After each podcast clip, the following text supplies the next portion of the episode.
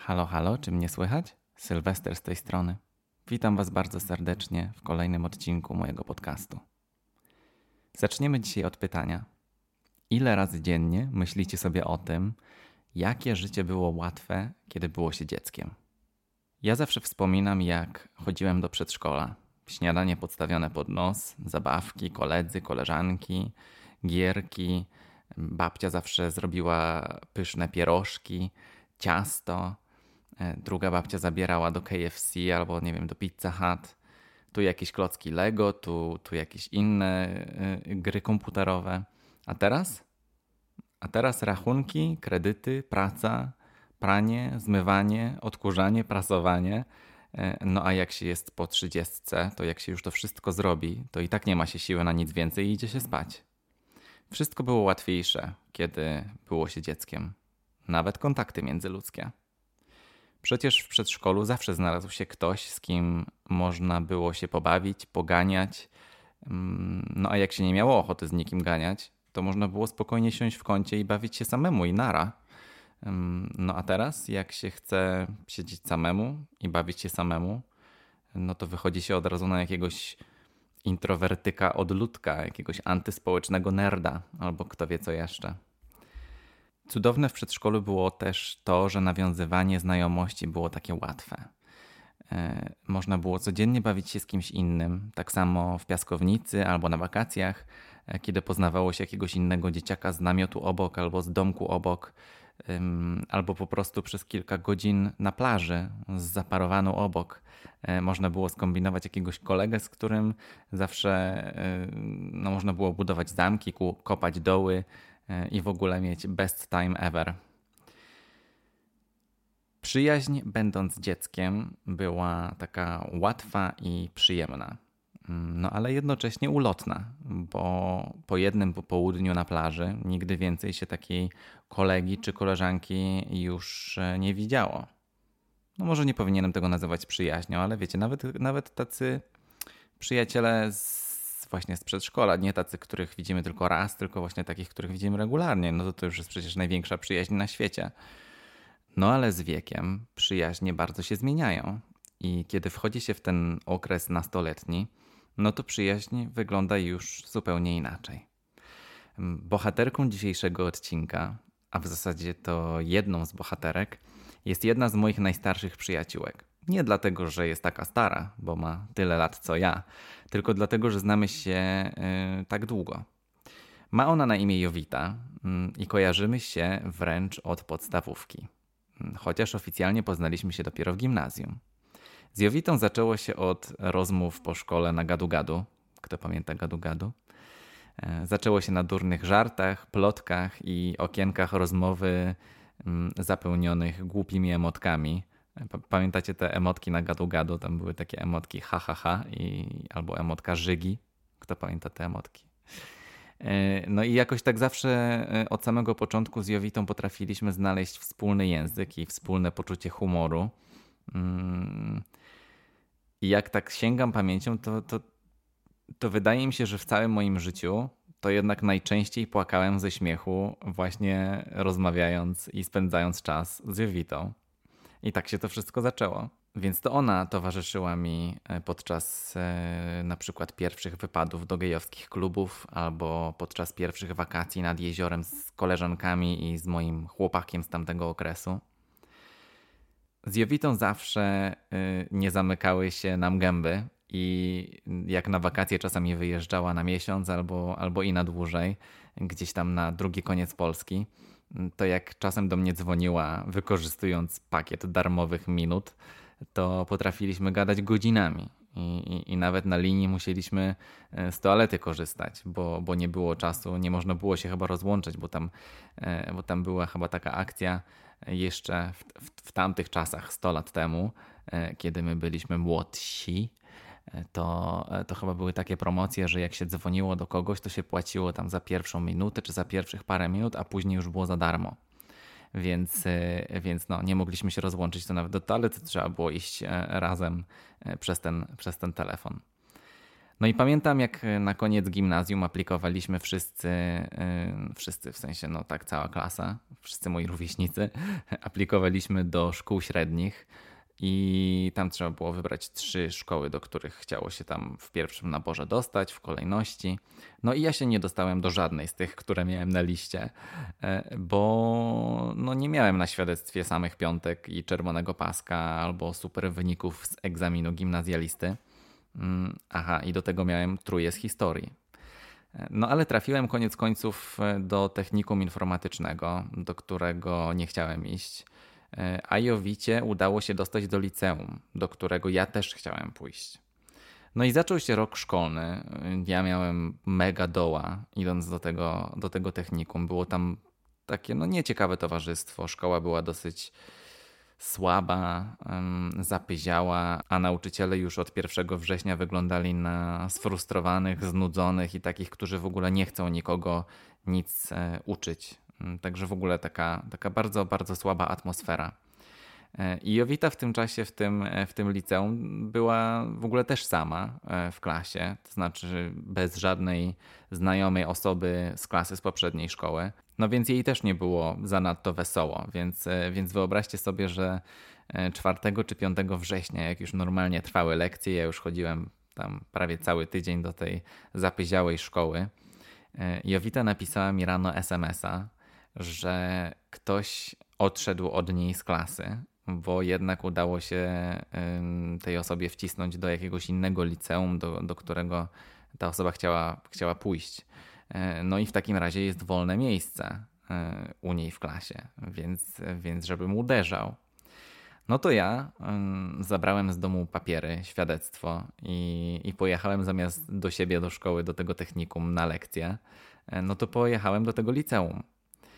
Wbiłem do sekretariatu i poprosiłem panią sekretarkę o, o rozmowę z dyrektorką w ogóle na takim totalnym spontanie jakby teraz jak sobie o tym myślę, to nie, nie wiem nawet jakie sobie to w ogóle wyobrażałem. No ale mm, dyrektorka też właśnie tam w tym liceum to była w ogóle jedna z takich, których należy się bać. Sekretarka się w ogóle mnie pytała wtedy, z której ja jestem klasy, o co mi chodzi i przecież dlaczego mnie nie ma na lekcji. No i ja jej mówię, że no ale ja nie jestem z żadnej klasy, póki co, bo jestem z innej szkoły. E, no ale w, w końcu się udało, no i ta sekretarka zawołała e, dyrektorkę. Ta dyrektorka przyszła i tak wiecie, e, groźne okulary, poważna mina, mm, taki przebijający wzrok. No i pyta się mnie o co chodzi. No to mówię że, że dostałem, że otrzymałem informację, otrzymałem z potwierdzonego źródła, że w klasie pierwszej E zwolniło się miejsce. Mm, a ja się nie dostałem tutaj e, do szkoły i to był mój pierwszy wybór e, podczas naboru. No i bardzo bym chciał dostać szansę, bo, e, bo teraz jestem w technikum, no i mi się nie podoba. No i ta pani dyrektor wyciąga rękę, widząc, widząc dokumenty, które trzymam, no i podaje jej moje świadectwo. Ona tak rzuca okiem, patrzy na oceny. Jest taka chwila ciszy i ona mówi do mnie, ale to jest klasa humanistyczna. No ja mówię, że no wiem. A ona do mnie, że ale ty masz truje z historii. No i koniec. Szachmat. Co ja mam jej powiedzieć? Po takiej chwili ciszy mówię do niej, wie pani co, ja się chcę zacząć uczyć mm, i potrzebuję, żeby mi ktoś dał szansę. No i tak patrzy na mnie z nad e, oprawek swoich, e, swoich okularów. Patrzy jeszcze raz na te oceny i mówi do mnie tak. Dobrze, to ja cię przyjmę, bo i tak uczę w tej klasie łaciny, więc jakby co to cię wyrzucę. Niby groźba, ale się udało, więc uśmiechnąłem się, podziękowałem, e, a ona odwróciła się bez słowa i wróciła do swojego gabinetu. No a ja mm, tak oto wylądowałem z Jowitą w jednej klasie. Właściwie to e, dzięki Jowicie w szkole, do której oboje chcieliśmy chodzić. No i z Jowitą później nieraz pakowaliśmy się e, w jakieś kolejne liczne fakapy własnej roboty. I na przykład chodziliśmy regularnie na wagary, jakby zapominając o groźbie dyrektorki. Jowita pisała dla mnie usprawiedliwienia nieobecności i zwolnienia z lekcji dla mnie, a ja pisałem dla niej.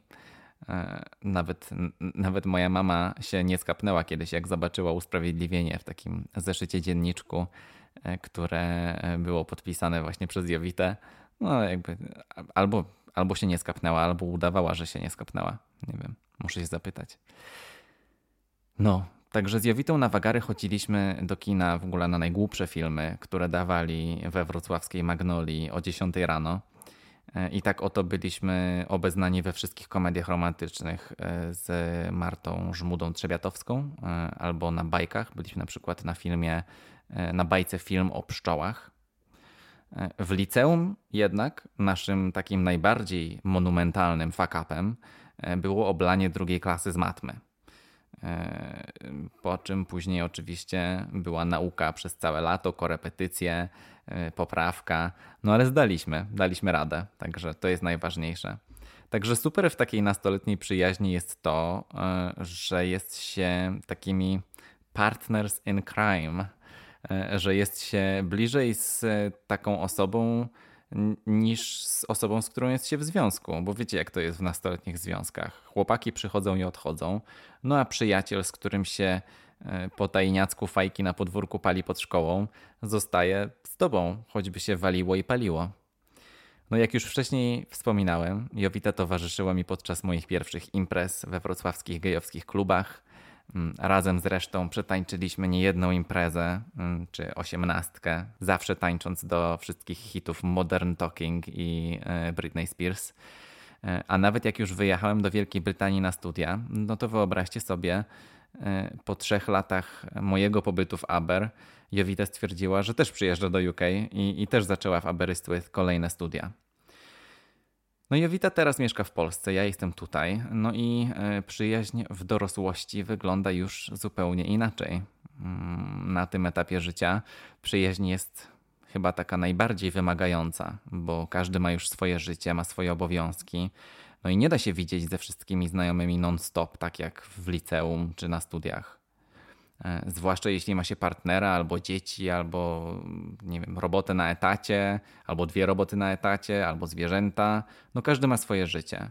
Tutaj u mnie w Cardiff jest e, aktualnie też z takich bliskich mi osób e, moja przyjaciółka Rebeka, z którą poznałem się w mojej pierwszej pracy w gastronomii w Cardiff. I, no i też, kiedy pracowaliśmy razem, to spędzaliśmy ze sobą mnóstwo czasu i w pracy, i po pracy. Nawet była kiedyś ze mną i z Grzegorzem przez ponad miesiąc w Azji. Nieraz się pojawiała w filmach e, na, i we vlogach na naszym kanale. A kiedy wyjechała do Australii na dwa lata, gdzie w ogóle poznała dziewczynę, z którą się hajtnęła i no to w dalszym ciągu udawało nam się umawiać na telefoniczną posiadówę, tak regularnie w miarę, żeby dowiedzieć się co się u nas dzieje y, i żeby pilnować, żeby kontakt się nie urwał. No ale wymagało to chęci i pracy z obu stron. Bywało tak, że ona dzwoniła do mnie z Australii, a ja byłem wtedy z Grzegorzem gdzieś na jakiejś wietnamskiej wsi na przykład. Raz pamiętam, że byłem w Warszawie, kiedy z nią rozmawiałem. No i też wielokrotnie tutaj mm, już w UK, e, dopóki nie, nie wróciła. No ale teraz Beka mieszka znów w Cardiff. E, no ale że już nie pracujemy razem, to e, ona, ona robi teraz doktorat, ja pracuję, w, jak wiecie, w innym jak to się mówi, w innym zawodzie teraz. No i nie mamy czasu e, tyle co kiedyś.